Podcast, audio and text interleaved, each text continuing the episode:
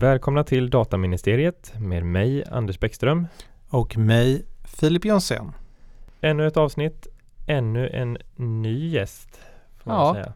Och idag får vi hälsa Ola Sigvardsson välkommen. Tack så mycket. Ehm, allmänhetens pressombudsman, PO, Ja, det är jag. sen åtta år. Ja, Eller? sen nästan nio år. Sen nästan nio år. Ja, Vi pratade om det innan att du var inne i din tredje mandatperiod eller vad det kallas. precis. Man är inte fast anställd som pressombudsman utan man har ett treårsförordnande. Men det är heltid. Ja, Och, och, och vad är det för någonting? alltså pressombudsmannens uppgift är ju i första hand att ta emot klagomål från svenska folket på eh, tidningar och tidskrifter och deras webbplatser och deras konton i sociala medier. Och utreda dem och vilket då så småningom kan leda till att tidningarna kritiseras offentligt efter ett beslut i Pressens opinionsnämnd. Och vilka tidningar pratar vi om? Pratar vi om eh, dagstidningar? Men Pratar vi om månadstidningar? Och... Ja, vi pratar om allting som är tryckt på papper och som är en periodisk skrift. Det vill säga kommer ut minst fyra gånger om året och har en ansvarig utgivare. Så formellt är det typ allt ifrån Dagens Nyheter till Kalle Anka. Det är vi ganska prövar brett. allt. Alla, alltså Sveriges tidskrifter, de är ju väldigt många. Om det kan vara 800 eller 1000 titlar eller något sånt där. Och dagstidningar finns det väl kanske en 150 av ungefär i, i Sverige. Och sen prövar vi då alltså webbplatserna till de som är medlemmar i Tidningsutgivarföreningen och i eh, föreningen Sveriges tidskrifter. Och deras konton i sociala medier. Twitter och Facebook och allt man kan tänka sig. Då, vilket, eh, för jag gissar att det kommer in en hel del anmälningar eller så då. Eh, Vilket är det lustigaste? Har det kommit in någon mot just Kalanka? blir jag ju lite nyfiken på. Nej, Alltså om det, eller är det mot de här lite större tidningarna som man alltså eh, för det första vi får in ungefär 600 anmälningar om året. Ja, från allmänheten. Och det har stigit år efter år efter år. Sen, ja, åtminstone sen jag började. 2011 när jag tillträdde så hade vi 280 anmälningar och nu ligger vi på över 620. Så att det, det är ett ja, ganska stort intresse kring detta. Och, och då kan man också säga att det är nästan, ja det är över 90% mot dagstidningarna. Det är ungefär 5% av alla anmälningar är mot tidskrifter. Du vet, tidskrifter är så snälla, liksom vi bilägare och vår hund och sånt där. Det blir inte så mycket anmälningar. Och det kommer ju ske en, eh, en ja, stor förändring om två veckor. Ja, El- då eh, avskaffas PO. Förresten när vi sänder det här så är det inte om två veckor. nej. Det är det inte. Det kanske redan är Då avskaffat. har det varit, då heter du allmänhetens medieombudsman. Ja. Alltså det lustiga är ju att PO, alltså det här institutet, det har fyllt 50 år i år. Det bildades 1969. Och samma år som vi fyller 50 år så läggs det ner. Eller, eller rättare sagt det ombildas då till allmänhetens medieombudsman.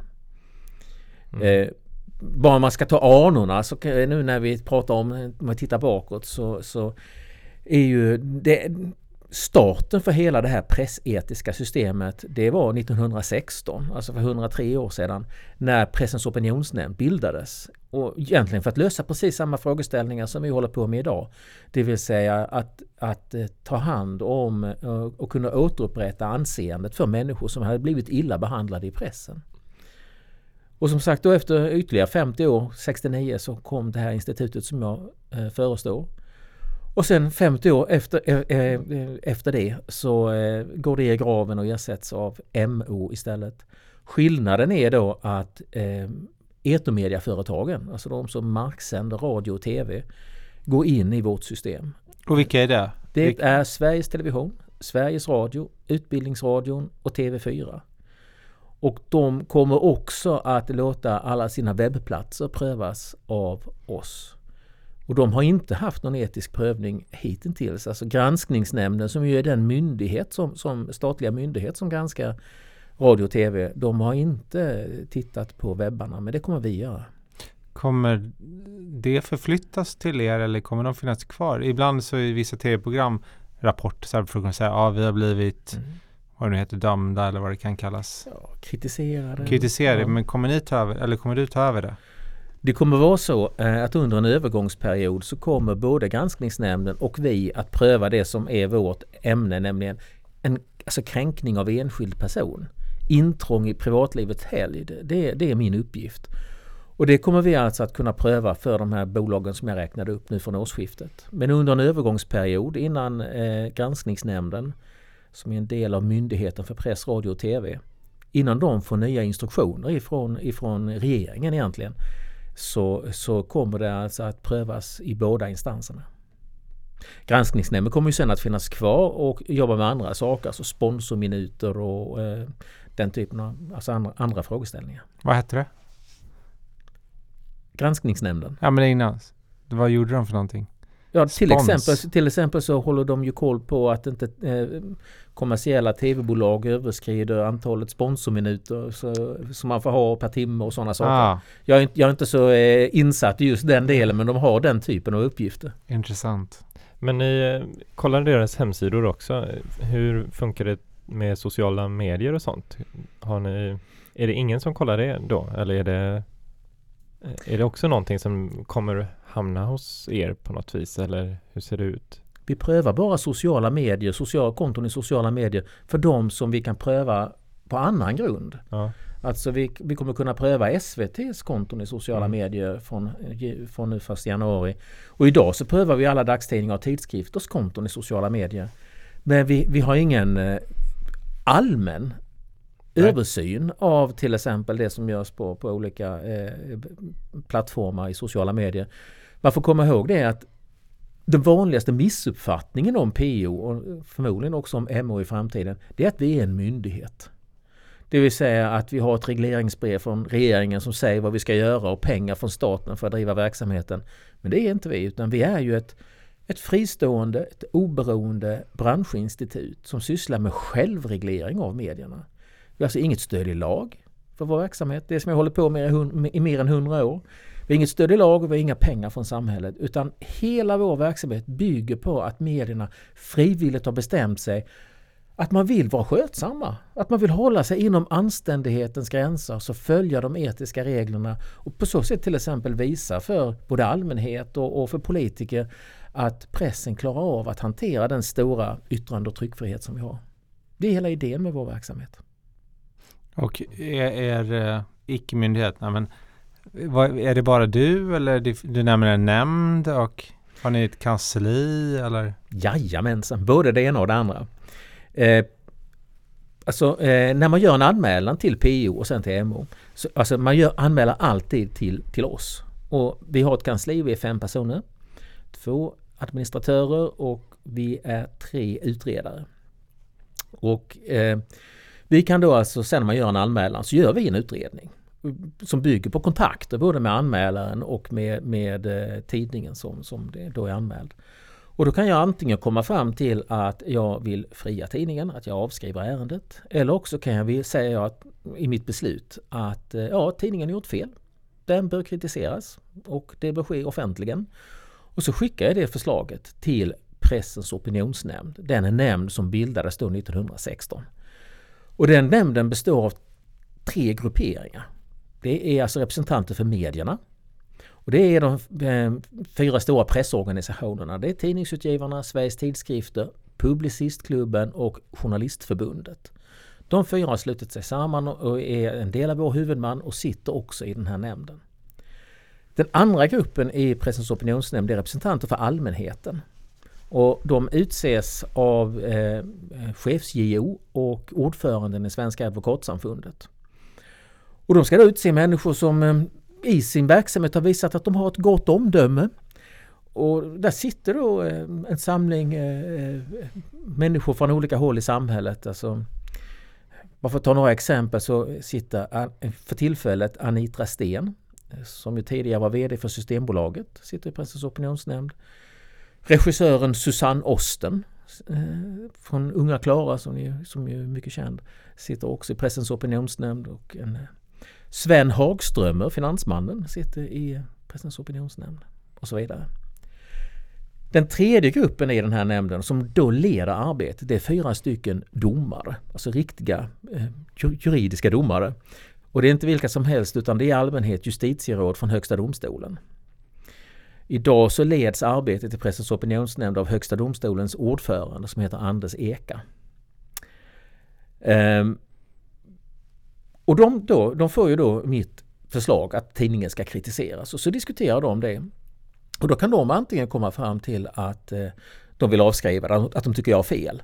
Eller att de kommer fram till att tidningen bör kritiseras och då ska tidningen publicera det beslutet. Eh, oavkortat och oförändrat och omedelbart. Och sen skickar vi också lägger vi upp det på vår hemsida och så skickar vi ut det till alla nyhetsbyråer och en stor mängd tidningar och prenumeranter. Så det är inte bara tidningen som fälls utan det kan vara så att det kan vara en 50, 60, 70 dagstidningar till exempel som publicerar att till exempel Dagens Nyheter har kritiserats i Pressens opinionsnämnd. Alltså man tittar på nämnden, det är inte vilka som helst som sitter där. Alltså vi, jag och Anders är ju jurister mm. och då är ju justitierådet liksom, det är det högsta. Ja. Eller det är ju det högsta. Ja. ja. Men du är lite som en eh, generaladvokat då? Kan man säga Ja, om, om, man ska jämföra min, min, min roll eh, med, med rättsväsendet, vilket man då egentligen man inte ska göra i övrigt, så är jag ju då eh, en åklagare kan man säga. Ja. Mm. Och medan domstolen då motsvaras av Pressens opinionsnämnd. Mm. Man kan säga att det finns en, en, om man talar om sammansättningen, som jag tycker är också ganska intressant, det är ju det att eh, vid varje omröstning så har då medierna fyra röster. Alltså alla de här fyra organisationerna jag räknade upp. Allmänheten har tre röster. Och det blir ju lite orättvist. Då vinner ju medierna hela tiden och kan fria sina kollegor hela tiden. Man får inte glömma bort ordföranden. Alltså det finns alltid en ordförande som presiderar över ett beslut. Om ordförande då ställer sig på allmänhetens sida, då blir det ju 4-4. Och då har ordföranden utslagsröst. Vilket betyder att i den här nämnden så för hundra år sedan uppfanns av medierna, som är bekostad av medierna, där medierna sätter spelreglerna för hur det ska gå till, så är medierna i minoritet. Och jag tycker det är en väldigt viktig poäng som talar om trovärdigheten i besluten som fattas av, av Pressens opinionsnämnd. Så de här fyra justitieråden är inte där samtidigt eller? Nej. Alltså, hela nämnden består av betydligt fler personer än de här som jag räknar upp som får rösta. Det är 32 personer. Så är fyra? Det var tre, eller hur? De är fyra justitieråd. Ja, de var fyra. Ja. Det var tre från allmänheten och fyra från medierna. Ja. Som just vid själva omröstningen. Ja, vid omröstningen. Mm. Men sen så är det flera arbetslag och de samsas och går om varandra och sådär. Och det är ett helt maskineri. Mm. Men hur tänkte de när de satte upp det här för 103 år sedan? Alltså, vad var anledningen, bakgrunden? Och bakgrunden var det att eh, det fanns mycket stora problem kring, kring eh, pressen som hade då vuxit sig starkt. Jag menar man kan ju säga att pressen började växa fram i större utsträckning i mitten på 1800-talet. I början på 1900-talet så, så hade man ja, nått en nivå där man hade en bärkraft och det var också så att, att eh, man var väldigt kanske hänsynslös i sina publiceringar. Alltså vad det gäller hänsyn till enskilda människor, till privatlivets helgd inte minst.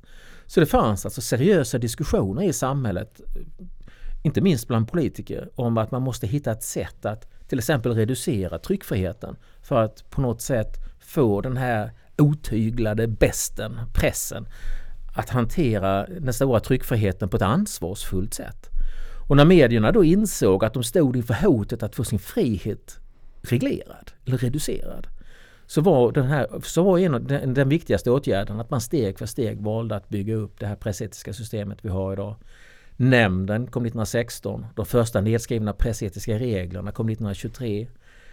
Eh, PO kom då 69.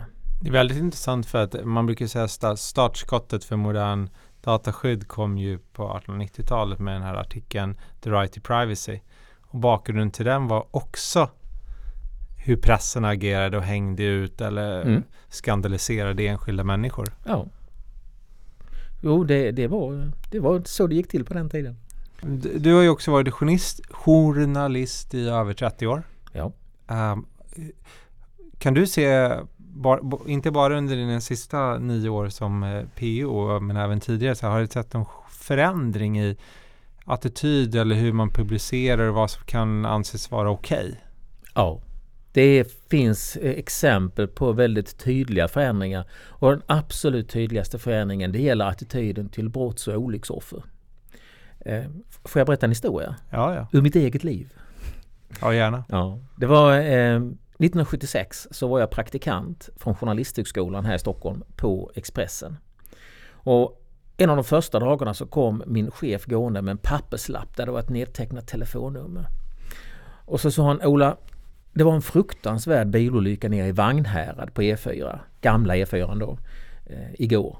Och massor av bilar som krockade och den började brinna och det var många som dog. Men som tur är så har vi fantastiska bilder, sa han. Och så visade han mig då de här svartvita bilderna som, som Expressens fotograf som hade råkat vara på plats hade tagit. Uppbrunna bilar, buckliga bilar. Och jag minns särskilt en bild där man lite snett bakifrån in i kupén ser en människa som sitter på förarsätet och som just har brunnit upp. Alltså, eh, det alltså till och med ryker lite från huvudet på bilden, som jag minns det. Och så tar han då den här lappen och sa att det här telefonnumret det går till en man som var med i olyckan. Men i hans bil klarade sig alla. Skulle inte du kunna ringa till honom och fråga vad det var som hände? Dagen efter en sån här olycka. Jag tyckte det var extremt obehagligt. Alltså, eh, vad gör man liksom? Ung och äppelkindad journalist. Det är som de säger i Frälsningsarmén, eller inte Frälsningsarmén, i Främlingslegionen. Marsch och kräv, marschera eller dö. Så jag tog den där appen och så ringde jag och en man svarade med väldigt, väldigt entonig stämma och jag sa att ja, jag är Ola Sigvardsson, jag ringer från Expressen. Jag hörde att du var med om en bilolycka igår. Ja, det var jag, sa han med sin entoniga stämma. Och så började han berätta och han berättade och han berättade och han berättade. Jag fick nästan inte tyst på honom. Men jag förstod ju redan efter tio sekunder att det var inte alls så att alla i hans bil hade klarat sig. Så han hade förlorat nästan hela sin familj i den här olyckan. Hans fru hade dött och ett eller två, jag minns, minns inte exakt, ett eller två av hans barn hade också dött. Och här ringer jag och ställer frågor. Efteråt när, var, när det samtalet var klart så gick jag då till min chef och så sa jag, alltså han var ju i chock. sa jag. Han, han, han har ju precis varit med om det, det hemskaste någonsin. Och, ja, jag sa att jag tyckte det var hemskt. Och då sa min chef bara tre ord. Han sa skriv, skriv, skriv. Dagen efter i tidningen så hade vi min text där mannen naturligtvis var namngiven. Hans fru och barn som hade dött var namngivna. Vi hade en av de fantastiska bilderna på de hopknycklade bilarna plus åtta bilder ur passregistret, eller om det var sju, sju, åtta bilder ur passregistret på de som också hade dött i den här olyckan. Och det här var alltså normal journalistik på 70-talet, alltså när jag var yrkesverksam, det är inte längre sedan än så. Idag är en sån publicering helt otänkbar. Det finns liksom inte utrymme i något medium egentligen för att hantera enskilda människor på det hänsynslösa sättet. Och jag tror att det beror egentligen på två saker. Det ena är eh, vårt arbete där vi har pekat ut var gränserna går och hur man ska förhålla sig till privatlivet. Sen är det också så här att sedan mitten på 70-talet så har ju journalistkåren professionaliserats. På den tiden så var det så här att man hade ju ingen utbildning. Det började med att man lämnade sportresultat till Katrineholms-Kuriren och sen satt man plötsligt vid en skrivmaskin och var journalist. Det var liksom så det gick till. Idag är alla journalister, även på småtidningar, eh, väl utbildade. Och i journalistutbildning så ingår de här etiska diskussionerna. Så att det har säkert också bidragit till, till förändringen. Men är, är ert e-, regelverk som ni ska bedöma de här olika publiceringarna mot, har det förändrats eller har ni bara gjort andra tolkningar? Vi har förändrats mycket lite. Men ibland så gör man vissa förändringar. Det kan vara så att, att lagen förändras så att vi måste eh, Alltså så vi måste justera vad det är vi kan pröva på nätet till exempel och sådana saker. Men vad det gäller de, de etiska grundreglerna så är de inte förändrade. Den största förändringen man har gjort det är egentligen att man har lagt till en portalparagraf i de etiska reglerna som säger att pressetik tar sig i första hand inte uttryck i detaljreglering utan i en ansvarig hållning inför den publicistiska uppgiften. Så att reglerna ser ungefär likadana ut. Var, jag tror de flesta som just hörde dig berätta det där, liksom det vänder sig i magen lite grann när man hör att det kunde förekomma. Finns det någon tidpunkt där du kände så här, ja nu, här skedde en stor förändring? Nej, Det är en successiv gradvis förändring som jag då har upplevt under alla de 35 år som jag har jobbat som journalist. Jag har väldigt tydligt kunnat följa den utvecklingen. Alltså att från att när jag började så eh, var det aldrig någon diskussion egentligen om de etiska frågeställningarna. Idag när man går på en redaktion, alltså vilken dagstidning som helst eller ja, de miljöer som jag är van att röra mig i så är det ett fullständigt normalt övervägande vid varje kontroversiell publicering att, man, att utgivaren, chefredaktören med sina medarbetare diskuterar var gränserna går och vad man ska tillåta sig och vad man ska undvika. Eh, en följdfråga som jag har på just med den här olyckan för att många av de här blåljusmyndigheterna har ju gått ut och sagt att det finns problem med att folk numera ställer sig och fotar med sina mobilkameror och dels är det ju integritetsaspekten såklart. Mm. Men även att de kan vara i vägen. Mm. Men det finns ju också mediehus eller med, tidningar som köper de här bilderna. Så att, det är ju liksom ett dubbelt ansvar. Eller det är ju båda sidorna som... Jag skulle säga att det har minskat. Eh, för en 10-15 år sedan så var det ganska vanligt att man köpte eh, olycksbilder. Inte minst när, när jag själv var chefredaktör för Östgöta-korrespondenten i, i Linköping innan jag blev, blev PO. Men det har blivit allt ovanligare. Om du bläddrar igenom eh, dagstidningar från runt om i Sverige så är det väldigt ovanliga publiceringar. Och är det så att det är publiceringar som har att göra med olyckor så är de alltså, eh, väldigt diskreta. Alltså man söker inte fram och liksom hittar blodiga vindrutor och, och sånt där som, som man kanske möjligen gjorde förr. Utan möjligen så kan man få se en trasig bil eller något sånt där. Dagstidningar säger du, är det det finns ju något som i alla fall, eller jag uppfattat det som kallas för kvällstidningar. Är det skillnad på dem? Kvällstidningarna har ju en mer aggressiv eh, publiceringstradition eh, får man ju mm. säga. Vi gör ju varje år en årsberättelse där vi också har klanderligan där man kan se vilka tidningar som har fått flest fällningar i Pressens opinionsnämnd. Med några få undantag så vinns ju alltid klanderligan, om man nu ska kalla det för vinna, av en av, en av kvällstidningarna. Mm. Det kan variera vilken av dem det är. Mm. På senare år så har Aftonbladet ibland inte haft en enda fällning faktiskt under flera års tid. Eh, men för längre sen, alltså på 00-talet och så, så tillhörde de de värsta bovarna. Mm. Ja. ja, det förändras ju även på deras sida då, mm. förstår jag. Och det handlar också om professionalitet. Att de blir allt skickligare också på att förstå hur man kan berätta en historia så att den blir så dramatisk och kvällstidningslik som möjligt men inte går över gränsen och på ett oförsvarligt sätt skadar en enskild människa. Kan man generellt säga att, för, att det är färre bilder som är eh, får kritik idag, att det är texterna? Det är i allmänhet texterna. Eh, och det, det, kan vara många olika saker. Det, det, är inte helt ovanligt till exempel att vi fäller på rubriker. Alltså rubriker är ju ett sånt kort format så att det är svårt att vara nyansrik. Men bristen på nyanser i en rubrik kan faktiskt bidra till en allvarlig skada för en enskild.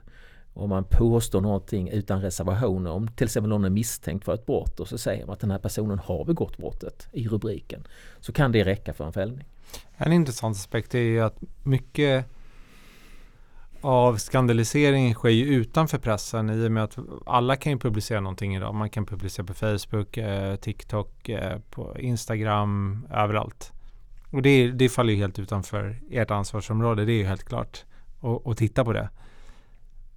Men mycket av den sakerna vi till exempel i efterspel till metoo-rörelsen där vi har sett en del domar um, där folk har blivit fällda för att de har publicerat saker utanför pressen så att säga. Men pressen återger ju vad som har hänt och eh, då får man ju ändå reda på vad, vad de här personerna har blivit anklagade för. Ja, det är inte ens så enkelt, det är mer komplicerat än så. Ja, det kan jag tänka mig. Ja. För vad vi, vad vi ser idag det är ju ett växelspel eh, ibland mellan sociala medier och den traditionella pressen. Alltså det här till exempel om vi tar frågan om Fredrik Virtanen och Cissi Wallin som ju då har varit i, i domstol alldeles nyligen. så började ju det på sociala medier med att Cissi Wallin anklagade Fredrik Virtanen. Sen utbröt det på sociala medier en storm där man så att krävde att de traditionella medierna nu skulle publicera den här uslingens namn. Man kallade utgivarna för fega och allt möjligt för att försöka tvinga ut dem på, på, på trampolinen. Och till sist var det ju så att, att ja, det började med att eh, Expressen publicerade sex sidor om låtar, vad det nu var, om Fredrik Virtanen och, han, och, och hans liv och inklusive de här anklagelserna. Martin Timell är ju ett annat eh, av de mer kända exemplen men det var ju ytterligare ett antal mer eller mindre kända personer. Många av dem, alltså ett tiotal kanske, har ju anmält till oss. Och vad det gäller Martin Timell så har han ju fått sex tidningar fällda. Fredrik Virtanen har fått åtminstone två, möjligen tre, jag kommer inte riktigt ihåg, tre tidningar fällda. Alltså fällda av er? Av, av oss ja. Jag av oss. Och det, menar, det klarade vi ju av för ett och ett halvt år sedan eller något sånt där så att vi, vi maler lite fortare än vad rättsmaskineriet gör. Eh, ett exempel som ju också är väldigt känt är ju Aftonbladets granskning av Benny Fredriksson. Eh, som ju då av allt att döma ledde till att han valde att ta livet av sig. Alltså, chefen för Stadsteatern, Kulturhuset. Eh, och det anmäldes av hans efterlevande hustru. Och eh, det tog vi upp och det ledde till att Aftonbladet för ungefär ett halvår sedan fälldes för grovt brott mot god publicistisk sed. Vilket är det hårdaste uttalandet som pressens, pressens opinionsnämnd kan göra. Vad innebär det för dem rent konkret utöver att de själva då måste publicera beslutet? Eller, ja, eh, så, vad, vad betyder det mer? Vad får det mer för konsekvenser för dem? Alltså för det första så är ju konsekvensen en upprättelse för, för den som får rätt. Det är ju liksom själva huvudpoängen. Eh, att man, att, man, eh, att man får se att någon har sett det innan någon har förstått det innan någon har gett en rätt. Mot den här mäktiga tidningen till exempel.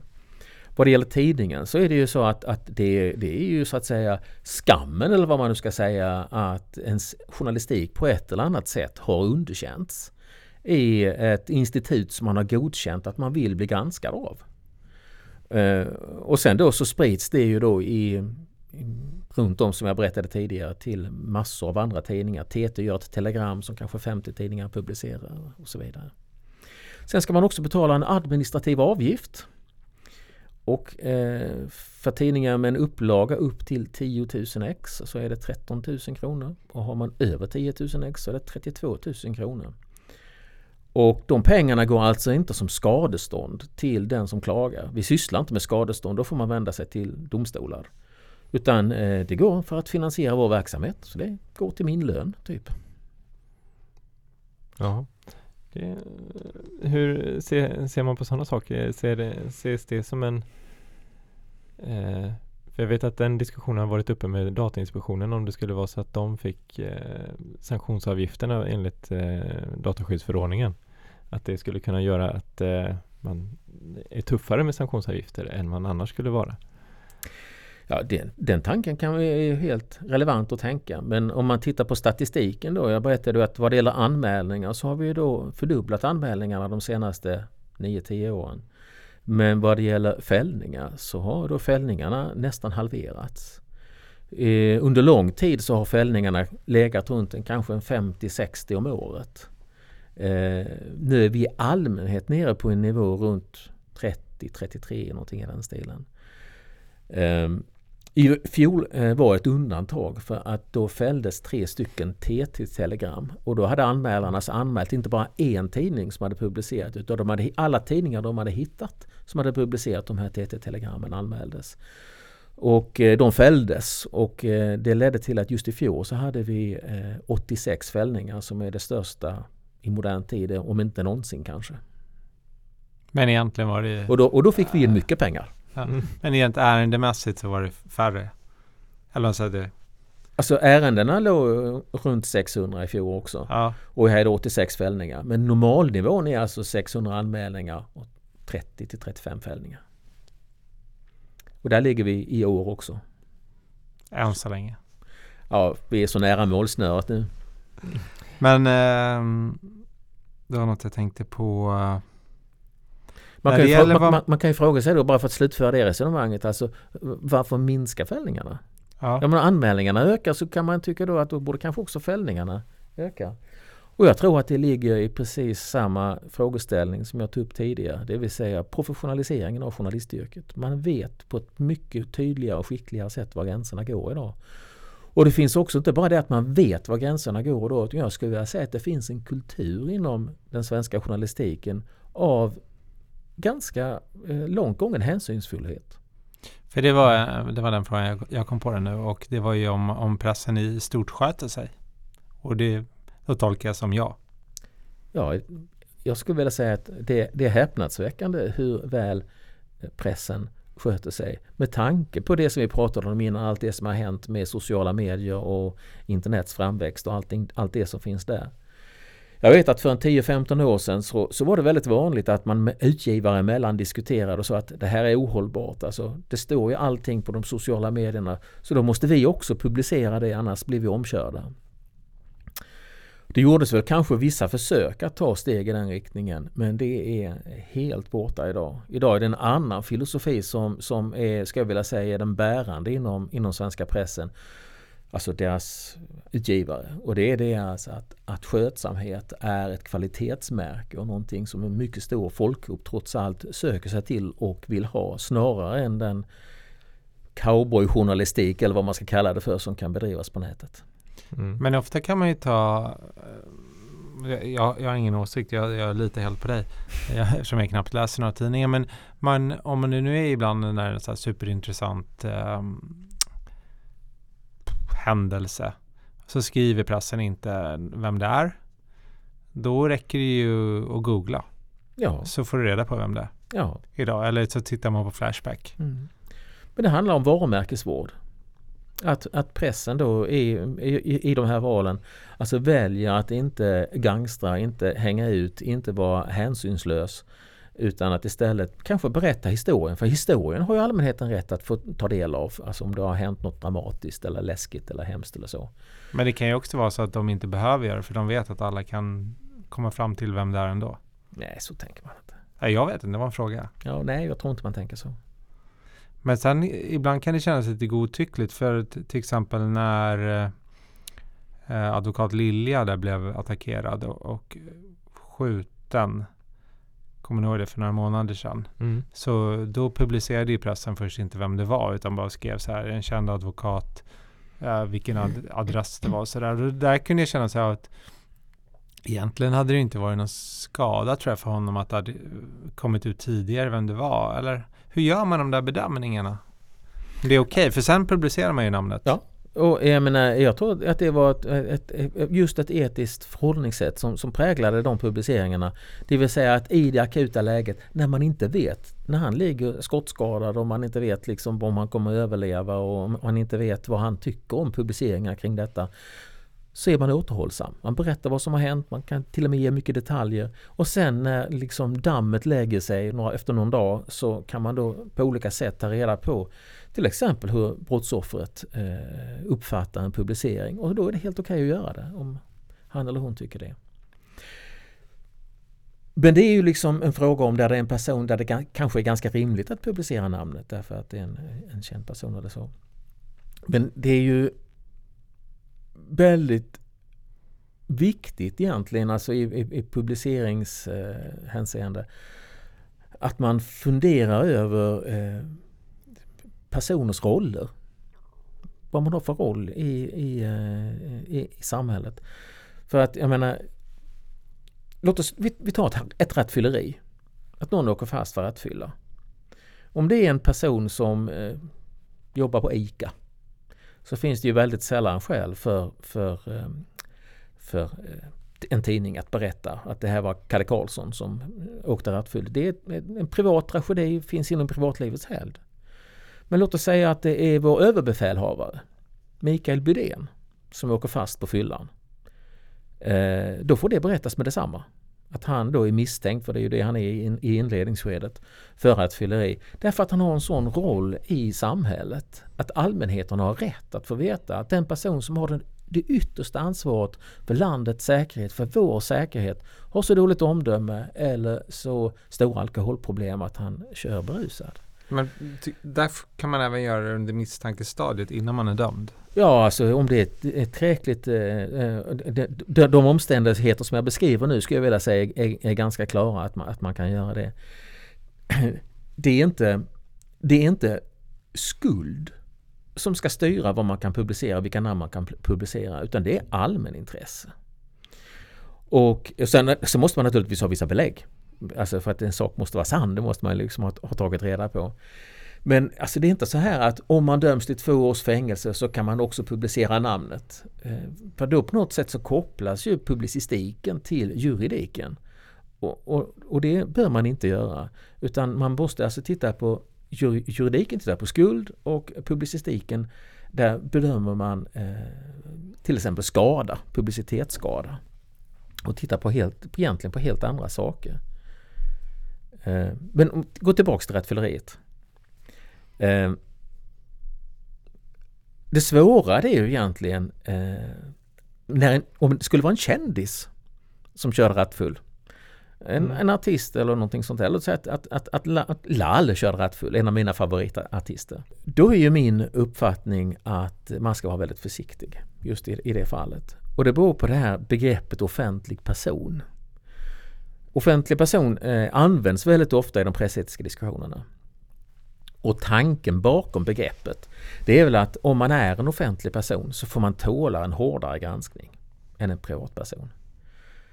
Men jag skulle vilja säga att eh, jag har sett under mina år som journalist hur vissa tidningar, möjligen kvällstidningarna då, har valt att vidga kretsen av de som de inkluderar i begreppet offentlig person. Att det har blivit fler och fler. Och jag tycker att man kan inte bara säga att bara för att vi känner till någon, alltså ja, genom någonting, eh, så blir det en offentlig person. Alltså att många människor känner till en människa, då blir det en offentlig person som ska tåla en hårdare granskning. Man måste dela in dem i åtminstone två stycken kategorier. I den ena kategorin så finns då eh, politiker, ledande tjänstemän, domare, höga militärer, betydelsefulla företagsledare men också egentligen grovt kriminella och terrorister i samma kategori.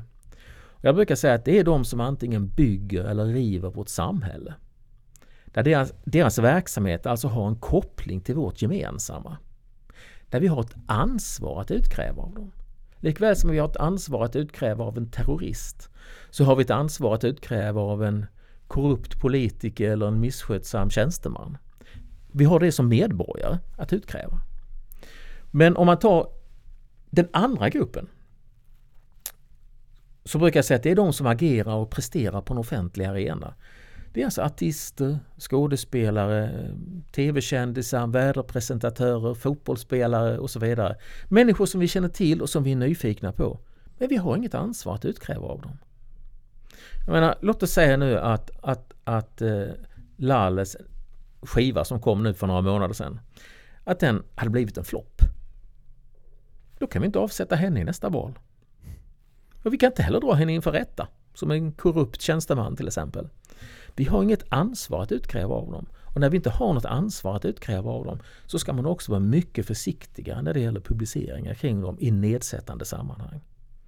Det är ansvarsfrågan som är betydelsefull när man väljer vad man kan publicera. Och där är vi egentligen framme vid kanske den, den viktigaste skillnaden då mellan juridik och etik. Alla de här tre personerna, den som jobbar på ICA och Lale och Mikael Bydén. Jag vill nu understryka att varken Lale eller Mikael Bydén har kört på rattf rattfulla. Eller ICA-killen. Äh, inte ICA, ja det vet man aldrig. det är fiktiva exempel. Men alla de här tre, om de gjort samma brott så ska de dömas till samma straff. Vi är lika inför lagen. Men vi är alltså olika inför etiken. Inför etiken kan man alltså i pressen behandla dem på olika sätt på grund, grundval av deras roller. Och det är en av de viktigaste skillnaderna mellan lag och etik. Mm. Men kan det vara så att även ÖB det måste väl ändå ha röra någonting med hans ämbete? Man kan väl inte skriva vad som helst om honom? Om det händer någon tragedi i hans familj, en olycka? Har det Nej. allmänintresse? Nej. det har det inte. Men alltså, där måste man hela tiden titta på, på eh, omständigheterna. De har en viss betydelse för vad man kan skriva och, och inte skriva. Men jag, för att jag, jag skickade någon fråga innan och ett, några tv-program som jag, för de är också under er, i alla fall snart.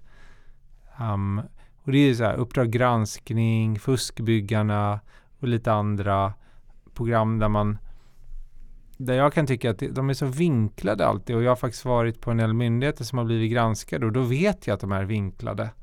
Och de, de åker hem till folk, till deras privatbostäder och knackar på och sätter en fot emellan. Och, och liksom jagar Det är dem. nog inte sådär jättevanligt det där med foten. Nej, men det har ändå varit att de går efter med mikrofonen och bara frågar, frågar, frågar. Och uppenbart, eller uppenbarligen är personen väldigt besvärad. Och det jag kan tycka så här, ja, fast där måste väl ändå deras privata sfär, alltså även, du kan väl till och med vara statsminister Stefan Löfven, alltså alla har någon typ av rätt till att typ, här är min grind, kom inte hit och ställ massa frågor nu när jag är med min familj. Alltså den sfären är väldigt, väldigt liten för statsministern. Ja, den kanske är det. Ja, den är Han mycket, har ju ingen grind förresten. Nej, det kanske han inte har. Nej, men eh, det, det får man nog säga att, att han eh, har en, en, en, en ansvarsuppgift som är av det slag att han får tåla väldigt mycket. När man ska bestämma sig för om man ska publicera ett namn eller inte så ska man bedöma tre kriterier. Det första är händelsens allvar. Det andra är beläggens styrka, det vill säga hur säkra är vi på att det här är sant. Där kommer det journalistiska arbetet in. Och det tredje är det vi har pratat om nyss, alltså personens roll. Och så väger man samman de sakerna. Låt oss säga att vi tar en sak som är av väldigt liten betydelse. Alltså det första kriteriet, händelsens allvar. Det är väldigt lite allvarligt. Det är en person som går i en godisbutik och provsmakar av godiset. Ett geléhallon här, en skumbanan där, det är ju helt betydelselöst. Det är ju ingenting som man rusar hem och skriver om i tidningen. Men om det är som det var för ett antal år sedan, vår tjänstgörande statsminister Göran Persson som går där och provsmakar sig igenom godissortimentet och blir fotograferad av Aftonbladets fotograf. Då är det helt okej okay att publicera. Allmänheten har rätt att få veta att vi har en statsminister som tar sig den rätten. Jag menar, vem av oss går och provsmakar en godisbutik? Inte jag. Nej, inte jag heller. Nej, men han gör. Eller gjorde. Men då kan man ändå säga att det är ganska kontextuellt också. Eh, alltså, eh, kan man dra det ännu längre? För jag tänker att i vissa vi brukar ofta nämna Greta Thunberg här eh, för att vi pratar om att vi söker efter en Greta Thunberg inom dataskydd.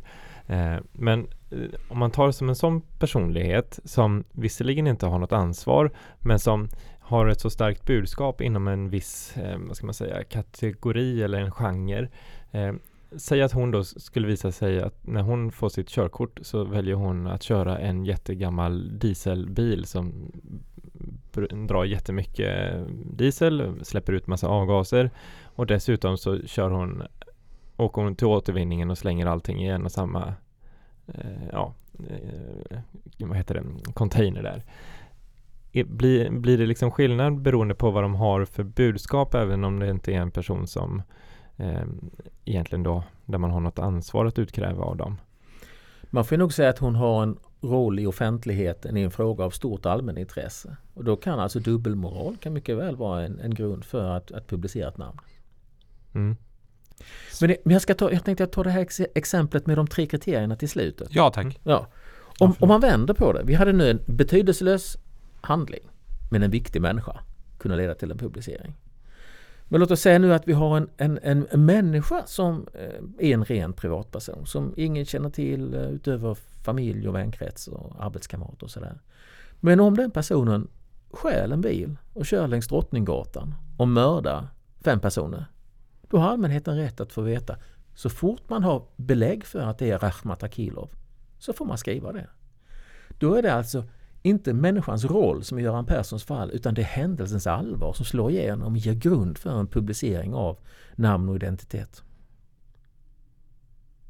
Så hela, det, det, det är trixigt det här. Men man ska hela tiden liksom väga samman olika aspekter av varje enskilt fall. Och försöka hitta en väg då, kan vi publicera eller kan vi inte? Och för min del då i efterhand, var det här en oförsvarlig kränkning av personen? Eller vad låg det inom försvarlighetens ram?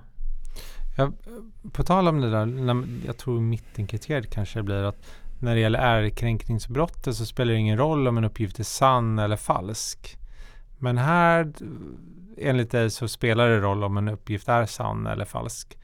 Om, den är, om man vet om att den är falsk, då antar jag att man, in, att eh, man inte ska publicera det. Ett rykte typ. Alltså, du, jag menar, du har ju inte riktigt rätt om ärekränkningslagstiftningen. Nej, men jag hårdrog det lite grann. Ja, ja, för jag det, förenklade. Det ja, ja, men det säger ju att man får inte säga något nedsättande av en människa, även om det är sant. Om det inte är försvarligt, står det i lagen. Och den här försvarlighetsventilen är ju väldigt, väldigt viktig för hur, är, hur för ärekränkningslagstiftningen eller förtalslagstiftningen tillämpas. Ofta med ganska hög tröskel. Men hos er antar jag att det, om, en, ja. om en uppgift är osann och man vet att den är osann från början. Då ska man inte publicera. Då ska man inte publicera den, precis. Och att jag menar det journalistiska uppdraget det är ju att om man får ett tips så är det journalistiska uppdraget att skaffa belägg för det.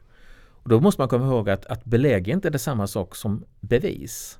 Alltså bevisföring det också hör hemma i juridiken och där ska man vara eh, säker bortom allt rimligt tvivel på att det föreligger på ett visst sätt. Belägg som vi använder oss av i, i pressetiken det är ju egentligen ett, ett svagare uttryck som säger att man ska ha grund. Man ska ha någon form av grund för att göra det påstående man gör i tidningen. Men hur gör man bedömningen för att på ett sätt och vis är skadan kanske redan skedd för den enskilda? Um, och sen fäller ni det? Vad, vad ska en enskilde egentligen göra då? Nu säger du att det är väldigt få fall som, som blir dömda. De flest, I de flesta fall sköter sig alla. Men om Filip Jonsén blev skandaliserad, jag vände mig till er, ni kom fram till ja, det här borde de inte ha tryckt. Vad ska jag göra då? Alltså, eh, För jag är ju redan ledsen. Ja, det förstår jag. Och eh, Det vi erbjuder de som vänder sig till oss det är ju en form av upprättelse genom kritik av tidningen. Det är en upprättelse av den här människans heder. Ibland så kallas ju då Pressens opinionsnämnd för en hedersdomstol. Det är ju inte en juridisk domstol utan det är någonting annat det handlar om. Och sen om det räcker för att du ska bli glad igen, det, det kan man ju inte veta men det är det som vi har att erbjuda. Men kan man använda det, eller har det använts historiskt även om man stämmer någon då på skadestånd eller någonting? Att man använt det som ett faktum till, eller inte faktum, som ett underlag till att jag har rätt att få 10 000 av den här andra personen. Det finns sådana exempel. Men eh, jag är ju då inte expert på hur det har tillämpats i domstolar men jag tror inte att man har så väldigt mycket stöd. Alltså det är en skillnad mellan etiska bedömningar och juridiska. Och att då överföra ett beslut från oss till domstolen tror jag inte är eh, behöver vara så särskilt, framgångsrikt. Um, en liten avslutningsfråga. Hur, nu när ditt eh, eller ert mandat utökas lite grann och eh, massa nya fenomen. Facebook eh, iPhone kom väl 2006. Hur, om du siar så här, tio år framåt, du har sagt att det blivit mycket bättre om jag tolkar det som att man för många år sedan kunde publicera väldigt integritetsinskränkande uppgifter som hemska bilder från bilolyckor. Hur kommer det se ut om tio år?